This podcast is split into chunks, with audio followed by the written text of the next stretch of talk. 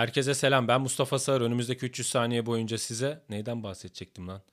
Neyse dinleyin anlarsınız.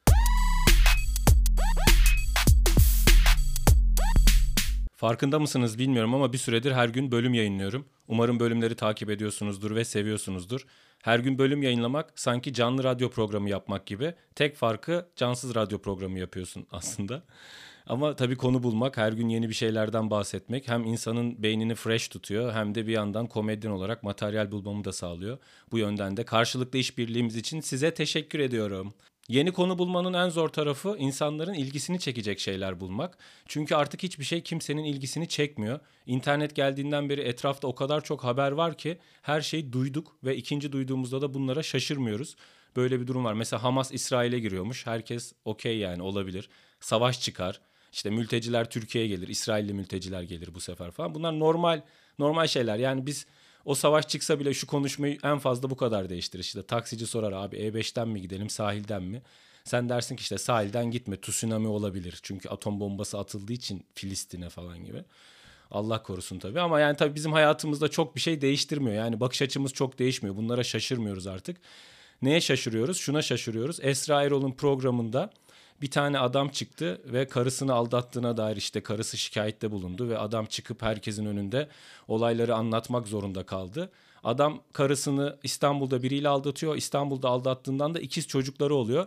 Ve programda çıkıp dedi ki Esra Hanım ben eski karımdan ayrılıp yeni karımla birlikte olmak istiyorum. Onu seviyorum dedi. Eski karısı da dedi ki tek bir şartla boşanırım. Eğer ikizlerine DNA testi yaptırırsa.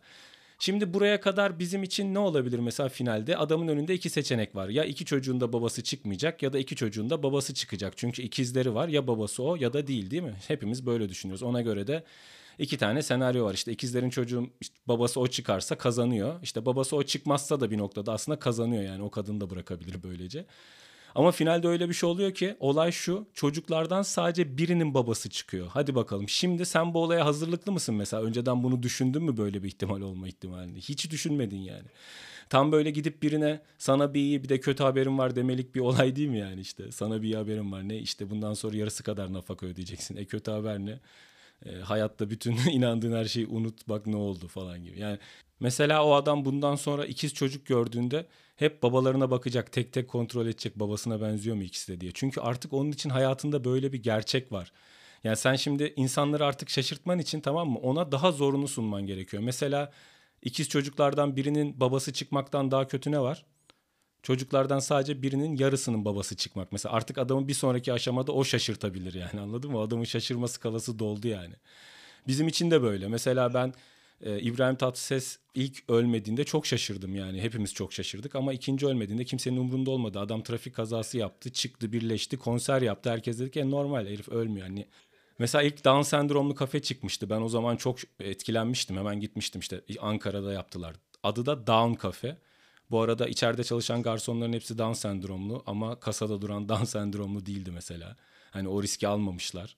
Tamam dökülür kırılır sipariş geç gelir ama hani parayı tam alalım demişler. O yüzden kafenin adının Down sendrom e, Down kafe olması çok doğru gelmedi bana. Down sendromlu restoranlar açılmaya başladığında mesela hepimiz çok sevindik buna. Çünkü Down sendromlar çok iyi insanlar. Down sendromluları herkes seviyor. Hatta engelliler arasında belki de en iyi insanlar Down sendromları. Ben hiç kötü bir Down sendromlu görmedim. Biliyorsunuz Down sendromlar bizden bir kromozom fazla oluyor. Büyük ihtimalle o kromozom orospu çocukluğunu baskılama kromozomu falan tamam mı? Çünkü adam ya hiç siz şerefsiz bir Down sendromlu gördünüz mü? Bize taktı falan 20 bin lira. Hiç öyle bir adam var mı yani? Mümkün değil. Aşırı insanlar. Ve Down sendromlulara artık mesela Moğol denilmiyormuş. Çünkü Mongol deniliyordu ya işte İngilizcesi Moğol, Türkçesi. Moğollar bundan herhalde ofend olmuşlar.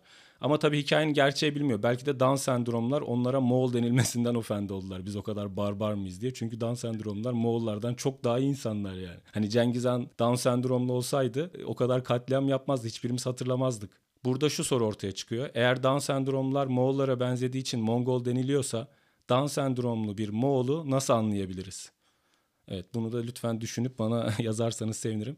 Ya demek istediğim şey şu Down sendromlu kafeler çıktıktan sonra mesela beti yükseltip Japonya'da şöyle bir şey çıktı. Alzheimer'lı yaşlıların çalıştığı bir kafe çıktı. Bu Alzheimer'a farkındalık için iki hafta falan çalışıyor ve restoranın şöyle bir şey var. Diyor ki tamam siparişleriniz yanlış gelebilir ama bütün yemeklerimiz iyidir falan gibi. Baştan da yolunu yapıyor. Ama işte Alzheimer'lı yaşlılar çalışıyor. Oraya gidip işte siparişini iki saat beklemek istersen ya da sonunda varlığını sorgulamak istersen gidebilirsin. Mesela onun karşısına Down sendromlu kafe açılmış. Tam karşısına. Yani o sokak böyle hani engelli insanların e, garsonluk yaptığı bir yere dönüşüyor gibi. Tabii bence Down sendromlu kafe tam karşısına açmak biraz uyanıklık olmuş. Çünkü Down sendromlu kafe o sokaktaki bütün işleri kapatır yani. Çünkü Down sendromlu garsonlar Alzheimer'lı garsonlara her türlü koyar yani. Orada Alzheimer'lı garsonların şansı yok. Çünkü Down sendromlular siparişleri getirebilirler. O yüzden yani her şey bir noktada böyle bizim için artık şaşırmadığımız ve bir şekilde kapitalizmin bize bir şey satmaya çalıştığı bir şeye dönüşüyor. Laflara bak Allah'ını seviyorsan. Sanki ben de bu podcast'i yaparken kendi fikirlerimi satmaya çalışmıyormuşum gibi. Olsun ama yine de size her gün bölüm yapıyorum. Umarım beğenirsiniz. Eğer bölümlerimi seviyorsanız bu 300 saniyeyi siz de çok seviyorsanız lütfen arkadaşlarınızla paylaşın.